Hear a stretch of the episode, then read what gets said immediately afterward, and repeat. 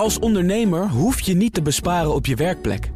Want IKEA voor Business Netwerk biedt korting op verschillende IKEA-producten. Word gratis lid en laat je werkplek voor je werken. IKEA, een wereld aan ideeën. Het belangrijkste nieuws over de top van het bedrijfsleven. En daarvoor is hier het Boardroom Panel. Bestaande vandaag uit Kees Kools, hoogleraar Corporate Finance. Harm Jan de Kluiver, advocaat en bestuurslid van de vereniging Effecten Uitgevende Ondernemingen. En ook advocaat bij de Brouw Blackstone Westbroek. En ook nog eens, niet te vergeten, hoogleraar ondernemingsrecht aan de Universiteit van Amsterdam. En Saskia van Walsum, voorzitter van de Raad van Commissarissen bij SPAR. En voorzitter van de RVC van de NTS Group. Ook executive coach bij NGL International. Ik kan ruim ruimschoots tijd nemen om alles eens een keertje de revue te laten passeren. Want Saskia, jij bent op dit moment de enige die er al is. De overige panelleden staan uh, nog in de file. Dus prijs ik me ook gelukkig met mijn zakenpartner van vandaag, Jill Dieriks. Nu op dit moment uh, voorzitter tijdelijk van de NCD, de Nederlandse Vereniging van Commissarissen en Directeuren. Ja, dat blijf je zeggen, Thomas. Daar moeten we misschien toch ook eens een gesprekje over voeren. Dat tijdelijk of dat waarnemen, dat, die blijft er toch bij je inhaken. Tijdelijk? Ja. ja, nee, goed. Ik probeer gewoon langzaam ervoor te zorgen dat jij het gewoon helemaal gaat overnemen daar. Oh. Uh, ja, we gaan uh, praten om te beginnen over HSBC. Dat is een hele grote bank, ook prominent in het nieuws, omdat ze daar 10.000 banen zouden willen schrappen. Dat schrijft onder andere de Financial Times. En daarmee zou het ook zeker niet de eerste zakenbank zijn die uh, vanwege matige omstandigheden nu ook uh, het personeelsbestand gaat opschonen. En het is een maatregel, uh, dat vond ik er interessant aan, van een interim topman, Noel Quinn. Die dan de bezem erdoor haalt. Saskia, wat zegt dat? Nou ja, het, is misschien niet eens onlogisch. Hè? Want de, de voormalig topman die zat er, naar ik begreep, pas anderhalf jaar. En, die is weggestuurd omdat de resultaten tegenvielen. Uh, ik heb ook gelezen dat uh, dit niet de eerste keer was dat er banen werden geschrapt. Hè. Eerder zijn er een kleine 5000 ja. banen geschrapt. Um, en, en dit zijn 10.000 banen. Maar als je het even in perspectief bekijkt, dat is nog geen 5% van het personeelsbestand. En daar wil ik er niet klein over doen. Maar uh, ik kan me wel voorstellen dat als je echt denkt dat uh, het vuren overal vandaan komt, dan zul je wel wat meer moeten doen dan dit. Maar dat het nodig is, is helder. En ze zijn dat niet de enige bank. En dat heeft met heel veel dingen te maken die, ja, waar al veel over geschreven is en die heel helder zijn. Uh, die in de buitenwereld gebeuren. Het is een ongelooflijk moeilijk klimaat. Heeft het inderdaad, denk je, vooral te maken met geopolitieke omstandigheden, uh, een afzwakkende groei, het handelsconflict? Of kun je zeggen, dat dacht ik namelijk. Banken moeten zich ook op een andere manier gaan voorbereiden op de toekomst. En daar horen minder medewerkers bij. Ja, dat is natuurlijk heel essentieel in dit verhaal. Hè? Dus laten we inderdaad helder zijn. de functie van de banken verandert. En dat is echt. Uh, en daar zijn ze best laat met, uh, op reageren. En dat is ook heel complex. Dus ik wil dat zeker niet makkelijk afdoen. Nee, denk je dat we ooit nog het bericht gaan krijgen dat banken mensen gaan aannemen? Uh, en behalve dan om witwassen en fraude op te sporen? Want de, de tendens is toch inderdaad dat banken het alleen maar met minder mensen gaan doen. Ja, dat, en misschien is dat ook wel het echte leven. Want informatietechnologie is zo wezenlijk. En ook de functie van de banken verandert. Er zijn nieuwe partijen die de rol voor een deel gaan overnemen. En daar moeten banken enorm snel op inspelen. Ja. Dus nee, dat kan heel goed het geval zijn. En ik vraag me ook af, is dat erg? He, want er ontstaan nieuwe banen, andere banen. Is het erg voor de mensen ja. die nu een baan verliezen wellicht wel? Het gaat om ja. 10.000 mensen, je kunt dat in perspectief plaatsen... maar dat aantal is natuurlijk toch nog steeds ontzettend Ja, dat is wereldwijd en dat is een groot aantal. En vervolgens kun je ook zeggen, die vinden ongetwijfeld nieuwe banen... want er zijn niet alleen banken op deze wereld, gelukkig. Gelukkig. Inmiddels aangeschoven met microfoon in de hand. Dus twee keer goed nieuws. Kees Kools, we waren al begonnen met het panel. Kees, ik hoop dat je dat accepteert. Ja, vooruit dan. Vooruit dan. Het eerste onderwerp dat op het menu stond was HSBC en de 10.000 banen die daar verdwijnen. Daarmee niet de eerste zakenbank die flink moet snijden in het personeelsbestand. Wat is jouw korte analyse? Nou, het laatste wat ik net hoorde ging over het verlies van banen. Dat is voor de mensen die het betreft natuurlijk altijd heel erg. Um, maar als dit zou niet zou gebeuren, dan leven we nog steeds in de prehistorie. Eh, dat is wat er gebeurd is in de industriële revolutie. Dat is uh, arbeidsproductiviteit omhoog en de wat simpelere banen in het algemeen die verdwijnen. In dit geval. Het is niet waar, hè? De dit, hoger betaalde banen verdwijnen. Eh, precies. In dit geval, ik stond uit op het punt. In dit geval is, dat niet, is dat niet zo. Maar daarvoor geldt hetzelfde. Als er geen, pardon, als er geen, uh, geen werk meer is, geen ruimte voor is... en als het wordt weg als dat wordt geëlimineerd door fintech en andere alternatieven. En banken waren altijd heel traag en bureaucratisch uh, enzovoort. Ja, is dat zo? Of hebben we dat ook een beetje nee, nee, nee. Ik, oh, elkaar wijs gemaakt? Nee, ik heb in het verleden wel wat strategieën voor banken mee mogen helpen ontwikkelen. En gekeken naar de, nou ja, de lagen die er zijn, de bureaucratie die er is. De traagheid. Eh, want banken waren vroeger toch al een soort halve monopolisten. Er was nauwelijks concurrentie. Die concurrentie is toegenomen tussen banken, maar ook van buitenaf. Nou ja, en dan, dan, gaat, het, dan gaat het gebeuren. Dan moet ook daar moet het, uh, moet het anders en efficiënter. Denken jullie dat dat een van de redenen kan zijn waarom ze hebben gekozen nu voor een interim topman in plaats van een vaste aanstelling?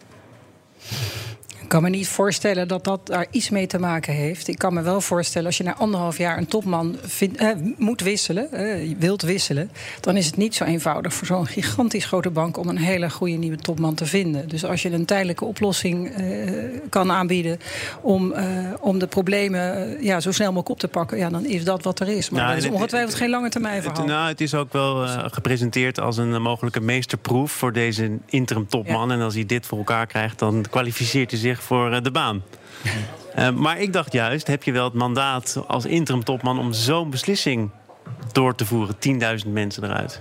Dat is nou net waar je voor bent aangenomen. Ja? Ja. ja misschien toch nog even ook in, in een concreet perspectief plaatsen. Ik heb gestudeerd in Tilburg. Daar verdween in de jaren 60 de hele textielindustrie, 10.000 banen. Na vijf, zes jaar later was er weer bijna volledige werkgelegenheid. En het is een bloeiende stad geworden, zelfs met DAF toen die failliet ging. Ik geloof dat binnen twee jaar had 83% weer een andere baan. Dus heel vervelend voor die andere 17% natuurlijk. Hè, maar Anders leven nog in de prehistorie. Goed. Ik wil met jullie nog uh, kort, omdat het niet je lievelingsonderwerp is, dus Saskia, praten over beloningen van CEO's. Dat staat heel vaak op de agenda, ook op de agenda van dit boardroom panel. Uh, het verschil tussen de beloning aan de absolute top van het bedrijf en de gemiddelde werknemer, dat uh, blijkt uit 180 jaar verslagen uit Amerika. Dat komt neer op 236 keer. De topman of topvrouw verdient 236 keer meer dan de gemiddelde werknemer. Saskia, ja, we kunnen het daar vaak over hebben. Er verschijnen ook vaak onderzoeken. Er verschijnen ook vaak een soort van oplossingen of modellen om daar iets aan te doen.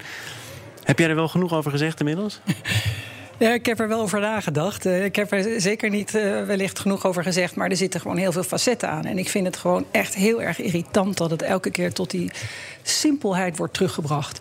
En uh, dat bekruipt me ook een beetje als uh, uh, de hoogleraar. Ik ben even haar naam kwijt, mijn excuus daarvoor. Maar die, die heeft iets gezegd over een ratio van 1 op 40. Doreen Kooi is dat. Doreen Kooi, ja. En um, ik begrijp wat ze ermee wil bereiken. Ze wil de menselijke maat terug. Hè? En, en dan is vervolgens de vraag, hoe bereik je die nou? En als je heel concreet kijkt naar bijvoorbeeld een, een Ben van Beurden... die dan 20 miljoen verdient. Ja, dat kan je zo ver vergelijken. Hè, maar er zitten meerjarige bonusovereenkomsten in. Er zitten aandelenpakketten in. Er zit van alles in.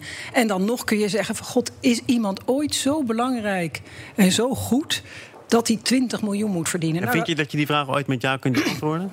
Zeg het nog eens, sorry. Vind je dat je die vraag ooit met ja kunt beantwoorden? Ik heb daar geen goed gevoel bij. Dus voor mij is het antwoord eigenlijk nee. Hè? Maar dat is een persoonlijk antwoord. En ik geloof ook echt dat je in de maatschappij hele verkeerde dingen oproept... als je beloningspakketten zo ver uit de hand laat lopen. Ik kan me ook niet voorstellen... Eh, Shell is natuurlijk een heel bijzonder bedrijf... wat echt voor eh, vele economieën zeer belangrijk is. Maar ik kan me niet voorstellen dat het zo uh, uh, cruciaal is dat, je, dat dat zo vertaald moet zijn in financiën. Ik wil nog één ding erover zeggen. het is wel zo. Het, uh, zeker niet te simpel maken, dus breid vooral uit. Ja, kijk, als je kijkt naar de rol van de CEO van zo'n groot bedrijf. Als het misgaat, is die ook aansprakelijk. Weet je? En, en dat heeft iemand die in de CEO zit niet. Dus laten we zeggen, de baan is veel risicovoller. Dus daar mag ook uh, anders mee om uh, worden gegaan. En dus dat wordt ook vaak vergeten. Dus er worden ook wel een beetje appels en peren vergeleken. Kees Kools heeft jou wat uitgebreidere antwoord aangegeven... om wat dingetjes op papier te zetten. Misschien wel ook over dit onderwerp. Wat wil jij erover zeggen, Kees? Ja, ik ben het niet eens met dit soort veel genoemde, veel genoemde argumenten. De vraag, er zijn een paar vragen. Vraag 1 is, is het schadelijk? Is het erg? Als die inkomensverschillen zo groot zijn. Nou, daar zitten hele schadelijke effecten aan. Maar voordat ik daar misschien nog iets over zeg. Even een heel klein historisch perspectief. In 1978 was de verhouding in Amerika diezelfde verhouding 23. Nu is die 230. Dat komt misschien omdat landen steeds internationaler zijn opereren. Nee, zijn gaan opereren, want dat hoor je vaak. Hè? Als je bijvoorbeeld in Afrika mensen aan het werk zet, dan verdienen die nou helemaal minder. En dan wordt dat verschil tussen wat er in de top van het bedrijf wordt verdiend en op de vloer alleen maar groter. Nee, nee, dit gaat over de 100 grootste Amerikaanse bedrijven. In 1978 was het, was het factor 23, dus het factor 230. Tien keer zoveel. Er is geen enkele ratio voor waarom die mensen nu 230 keer zoveel verdienen en toen 23 keer zoveel. Het is niet dat ze tien keer zo hard gaan, zijn gaan werken als de mensen op de, op de vloer of wat dan ook. Ik zat in die monitoringcommissie, uh, de eerste met, met Vrijns. En toen keken we ook naar beloningen. Was ons gevraagd door de, door de regering. Op dat moment was voor alle AX-bedrijven de bonus, het variabele deel, 200%. Dus een derde vast, een derde kort, voor in 200 procent. Toen hebben ze even gekeken hoe was het 15 jaar daarvoor bij diezelfde AX-bedrijven. 20 procent. Dus in 15 jaar was, het was de variabele beloning van die topmensen met met, de, nee, met duizend procent gestegen. We moeten naar, naar een oplossing, want zou je die moeten formuleren in begrenzing daarvan dan? Ja. Toch? Nou, kijk, en als laatste, de laatste monitoringcommissie heeft nu gezegd, die heeft nu gezegd, je moet niet meer, je moet ook, dat staat niet in onze code, je moet ook kijken bij de beloning naar de relatie met je eigen werknemers. Als je zegt, mijn eigen werknemers zijn zo belangrijk, dan moet je ook kunnen uitleggen waarom je nu in één keer tien keer zoveel verdient dan. Er zijn dus mensen, onder andere deze hoogleraar, die ratio van 1 staat tot 40 voorstelt. Die zegt, mensen vergelijken zich met hun directe collega en wat er aan de top van het bedrijf verdient wordt, maakt eigenlijk niet zo heel veel uit voor je gevoel van rechtvaardigheid. Nee, maar dat, dat, dat is niet zo. Dat blijkt wel dat het niet zo is. Mensen bij, bij ING toen bijvoorbeeld, hè, toen in één keer een sprong werd gemaakt, eigen mensen, die kwamen ook. Uh, die kwamen ook in, uh, nou ja, in beweging. En één ander voorbeeldje van een CEO, dat is onze minister-president. Die verdient vijf keer zoveel als de gemiddelde ambtenaar. Vijf keer. En, en die loopt een veel groter risico om te worden ontslagen elke dag eh, dan meneer Van Beurden. Ja, als wel een wachtgeldregeling, hè? Ja, nou, ja, ook als hij als hij oh, als werk vindt, heeft hij de wachtgeldregeling. En meneer, meneer Van Beurden, wat denkt u dat er gebeurt? Die, die premies zijn nog veel hoger. Nee, dus factor vijf. Factor vijf. Okay. Dat, als je de, die vergelijkingen neemt... Volgens vinden jullie allebei dat het eigenlijk de spuigaten uitgelopen is. Ja, maar, de... maar je moet wel goed kijken waar je het mee vergelijkt. Wat is inderdaad waar die onderzoeker, die, dat is in, in de, top van beursgenoteerde Amerikaanse bedrijven. En je ziet ook uit onderzoek dat bij de, de Nederlandse grote bedrijven het alweer minder erg is, om het zo maar te zeggen, dan bij de internationale bedrijven. En daar moet je ook rekenen met een concurrentieveld. Maar ja, ja de vraag is of het zover had moeten gaan. Ja, zeker. En de vraag is hoe het gekomen is en wat je eraan doet. En hoe het gekomen is, dat komt door uh, dat, het, tot men altijd het gemiddelde wil verdienen. En als de onderste helft altijd op het gemiddelde zit, gaat het gemiddelde omhoog en dan blijven het omhoog. En te gast is het boardroom panel helemaal volledig. Kees Kools is hier, Saskia van Walsum en ook Harmjan de Kluiver. Harmjan, welkom. Dankjewel. Uh, Fijn dat je er bent. En uh, je ziet eruit alsof je met veel plezier naar het eerste deel van het panel hebt geluisterd in de auto. Ik vond het reuze interessant. Oké, heel goed. Nou, fijn uh, kijken of je er zelf ook nog wat aan kunt toevoegen. Jill Dirks is mijn zakenpartner van vandaag. En we gaan het hebben over een Amerikaans onderzoek naar CEO's. Want in de eerste acht maanden van dit jaar hebben ruim duizend CEO's hun bedrijf gelaten voor wat het is. En zijn ze aan de slag gegaan als topman of topvrouw bij een andere firma. Blijkt uit een rapport van een consultancybureau genaamd Challenger. Dat is een toename van 15% vertrekkende CEO's. Harm-Jan, omdat je er nu toch bent. Al die topvrouwen en topmannen die vertrekken, is dat zorgwekkend? Uh, nou, nee, ik zou het niet zorgwekkend uh, willen noemen. Het is, een, het is een trend die al, al langer uh, gaande is. Uh, je ziet dat de gemiddelde tijd dat een CEO in functie is korter wordt. en dat zet zich eigenlijk door. En dat hangt denk ik samen met de druk die er op de, op de CEO's is. Uh, is dat zorgwekkend. in Nederland is het ongeveer vijf en een half jaar. Volgens mij hebben we dat bij BNR zelf uh, vorig jaar een keertje ja. rondgevraagd. Ja. Ja. Maar de, de druk, dat wil zeggen, dan zoeken ze die druk toch weer in een andere functie opnieuw op, of niet? Of gaan ze daarna echt alleen maar rentenieren? Nou, dat, dat, dat, dat kan. Maar dus mensen gaan ook uh, naar functies die buiten de beursvennootschappen liggen. Dat zie je natuurlijk ook regelmatig. De beursvennootschap is wel een extreem stressvolle situatie. Uh, sommige mensen doen het heel erg goed. Heel veel mensen doen het wat minder. En dan ben je weer op zoek naar, uh, naar een andere kandidaat. Hou je, dat, je houdt het gewoon niet zo lang vol? Ik, het, het, is, het is behoorlijk, behoorlijk uitdagend, ja. Ik denk dat de druk op, op CEO's, zeker bij beursgenoteerde bedrijven, de afgelopen jaren echt aanzienlijk is toegenomen. Alleen al wat betreft de zichtbaarheid en, en uh, aansprakelijkheid. Daar, daar kan geen salaris tegenop. Denk Deel jij die uh, analyse? Het is, het is te stressvol geworden om het echt heel veel langer dan 5,5 jaar vol te houden, Saskia? Nou, dat is zo persoonlijk. Hangt ook zo af, af, van waar het bedrijf voor staat op dat moment. Maar het is wel helder als het slechter gaat. Dan ben je enorm in de spotlights en word je ook persoonlijk behoorlijk aangevallen. Vind ik. Dat vind ik wel steeds meer veranderen. In Nederland in ieder geval. En dat is jammer. Ik vind overigens dat onderzoek uh, waar je aan refereerde, ja, dat is acht maanden, 15% toegenomen. Dat zegt mij niet zoveel. Oh, matige journalistiek kort, weer dat weer aan gaan Korte periode. maar het wordt interessant als we, als we terugkijken naar de afgelopen tien jaar en hoe dat zich verhoudt naar de toekomst. Ja. Dus weet je, acht maanden zegt niks. Nou, ik heb hier ook wel eens gesprekken met mensen die zeggen dat sommige CEO's ergens te lang zitten. Komt dat ook nog steeds eh, voor of, of is dat echt iets uit het verleden? Volgens mij komt het nog steeds voor. En er is een einde aan hoeveel, hoe vaak je je kunt reinventen, denk ik. Het geldt voor ons allemaal in onze posities, maar zeker in die nou, posities. Nou, Armjan, jij kent ze niet, die CEO's die te lang blijven te lang, zitten? Nee, dat, dat zie ik niet meer. De, de, de, de druk is hoog, uh, maar ook de mate van evaluaties. Hè. Er wordt heel uh, zorgvuldig geëvalueerd, elk jaar opnieuw. En als men denkt het gaat wat minder, dan worden er ook consequenties aan verbonden. dus mensen die te lang zitten, zou ik niet zo 1, 2, 3 kunnen noemen. Wat zien we als te lang in deze kwestie? Ja, want Gerard van Vliet, ook van, van, van jouw vereniging, ook vaker te gast hier, directeur, die zegt we moeten sowieso niet meer in termijnen denken. Je moet elke dag je meerwaarde bewijzen. Nou, dat is een heel mooi, heel mooi uitgangspunt. Uh, ja, te lang. Uh, het is moeilijk, moeilijk te kwantificeren, maar als je een jaar of laten we zeggen, 10, 15 bezig bent, wordt dat toch wel lastig om je elke keer weer opnieuw uit te vinden. Ja. Kees, ja, kijk, we zeggen al heel lang, en ik weet niet hoe lang dat is, misschien op tien jaar of een paar honderd jaar, van de wereld draait steeds sneller door en alles gaat sneller en vlugger uh, enzovoort. Ja, het, zal best, het is zo dat iedereen staat meer in de spotlights, maar niet alleen die CEO's, de hele samenleving. Met sociale media enzovoort enzovoort is alles veel transparanter, wordt overal meteen op gereageerd. Dus het geldt niet alleen voor hun, dat is één ding. Uh, de tweede is nou, bijvoorbeeld Hans Weijers, die heeft er ruim tien jaar gezeten bij AXO, zijn voorganger Kees van Leden ook zo ruim tien jaar. Dat is wel, uh, dat is, dat is wel heel lang. Het is ook belangrijk dat je de, de gelegenheid hebt en de tijd hebt... Nou ja, om, je, om je in te werken om in, in ieder geval in die functie. En, uh, ja, en uiteindelijk ze willen het allemaal zelf heel graag. En ze weten waar ze aan beginnen.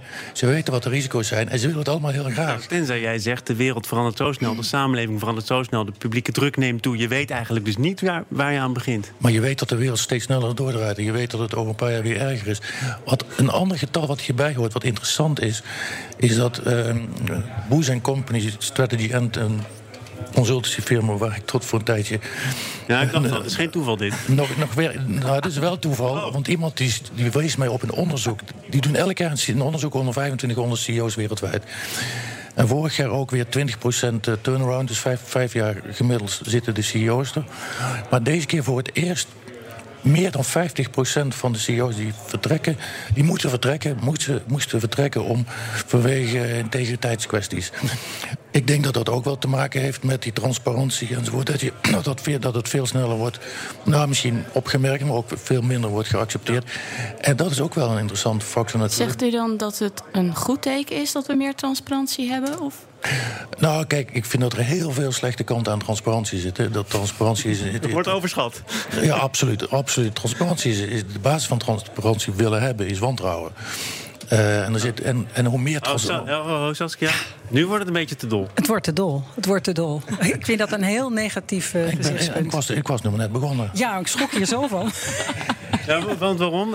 Dat nou, ik denk transparantie als zodanig eh, is iets wat, wat heel veel kan bieden in een bedrijfsomgeving. Het geeft veiligheid en vertrouwen. Uh, je kunt betrokkenheid hebben op dingen die je begrijpt en weet en kent. Uh, het is, ik vind het echt een absolute hygiënische voorwaarde voor goed beleid. Transparantie. en dat wil niet zeggen dat je alles tegen iedereen moet zeggen. Dat is heel iets anders. Nee, maar het is echt verschrikkelijk. En natuurlijk bij verantwoording afleggen. Bij, bij, bij macht hoort verantwoording afleggen. En dat kan alleen maar door middel van informatie. Maar het is zo doorgeslagen. Hoe meer, hoe transparanter, hoe meer gegevens, hoe meer vragen en hoe meer onkunde in het algemeen. Maar wat heeft onkunde er nou mee te maken? Omdat er, steeds, omdat er steeds meer informatie komt, steeds meer details over het niveau, over dingen in een samenleving, in een organisatie, waar mensen niks van weten, waar de context volledig verdwenen is. Het is volstrekt... Jan verdwijnt een beetje achter je rug. Misschien wil jij als ja, arbiter optreden, zoals wel vaker. Als we dan terug naar de bestuurskamer, hè? laten we het dan houden op de transparantie in de bestuurskamer. Zo'n CEO die staat natuurlijk wel met zijn gezicht op de, op de voorpagina, zeker als het beursgenoteerd is. Maar ik hoop toch wel dat dat, u de volledige transparantie in de bestuurskamer wel ondersteunt. Nou ja, ik weet niet, transparantie in de bestuurskamer. Het, is natuurlijk niet, moet niet zover gaan dat, dat daar de tv-camera's hangen. Maar er, moet, er is een absolute grens. Er is een optimum in termen van transparantie en informatie geven. Nogmaals, de basis is, toch iets voor wantrouwen. En het, het leidt alleen maar tot meer vragen, meer vragen, meer vragen. Je moet heel duidelijk zijn tot waar je gaat en, en wanneer het stopt. Ik zoek altijd naar het redelijke midden. Dan kom ik bijna altijd uit bij Harmian. ja, hoewel ik hier ter linkerzijde sta. Uh, nou, de, de, de, transparantie is heel belangrijk, maar uh, het moet wel in functie. Ja. Het moet wel in functie zijn. Uh, als je bijvoorbeeld hebt over de boardroom, je kan niet volledig transparant zijn over alle plannen die je hebt met betrekking tot de groei of de, of de vorming van je onderneming of overnames, et cetera. ook niemand van je. Je moet daar goed ik over nadenken. Ik vraag elke dag dus, naar en dan krijg ik bijna nooit antwoord. Nee, nee dus die, die transparantie doen we niet. Als het gaat om transparantie in de zin van hoe ga je met elkaar om. Uh, daar, daar, daar denk ik dat, dat er nauwe grenzen aan te geven zijn. Dat het heel belangrijk is dat je dat heel transparant doet. Maar gaat het om het beleid van de onderneming, dan moet je ook uh, daar wel uh, de nodige voorbereidingstijd voor kunnen nemen. Laatste woord. Voor, voorbereidingstijd is natuurlijk wat anders dan echt het delen waar je voor staat. Wat je purpose is, hè, wat je visie is op de wereld en op je bedrijf. En, en hoe je je strategie wil uitrollen. En wat je daarin ook verwacht van je organisatie, kan ik me zo voorstellen. Ja. Dus ik, ik geloof daar zeker in. Ik geloof daar, maar mag ik nog even één andere kant op? Hè? Want je, we hebben het nu over eh, CEO's die te lang zitten. Ik vind zelf een grotere bedreiging CEO's die te kort zitten. Want je bent verantwoordelijk voor lange termijn beleid. En dat betekent eigenlijk, zoals ik er tegenaan kijk, dat je toch wel twee planperiodes periodes moet kunnen volmaken. Want dan zie je eigenlijk wat je, wat je verzonnen hebt met je team. En of het ergens over gaat. Dus, dus dat vind ik juist je moeilijk. anders moet je opvolger de rommel gaan opruimen. Ja, dan lijkt het alsof je het goed doet. Je gaat over lange termijn beleid. Belangrijke, moedige beslissingen heb je te nemen... die een strategisch plan... Hè, zorgen dat een strategisch plan wordt uitgewerkt en waargemaakt. Nou, dat heb je echt niet in twee tot drie jaar geregeld. Jullie zaten er precies de juiste tijd. Ja, van Harmjan kan ik het niet zeggen. Ik hoop dat je in de file toch nog een beetje hebt vermaakt. Fijn dat jullie er waren hier in Leinden om het boardroom panel te vormen. Kees Kools, Harmjan de Kluiver en Saskia van Walsum. En speciale dank aan mijn zakenpartner Jill Dirks voor de vijfde keer. Zakenpartner, er komt ongetwijfeld de zesde. Ik hoop het. Dankjewel. Morgen dan is er weer een uitzending van BNR Zaken doen. Dan vanuit de studio in Amsterdam. Eerst zometeen tijd voor Newsroom. Dat is de dagelijkse podcast van het FD en BNR. Veel plezier en tot morgen. Het inrichten van je eigen zaak is best wel wat werk. Daarom biedt IKEA voor Business Netwerk 50% korting op interieuradvies. Word gratis lid en laat je werkplek voor je werken. IKEA, een wereld aan ideeën.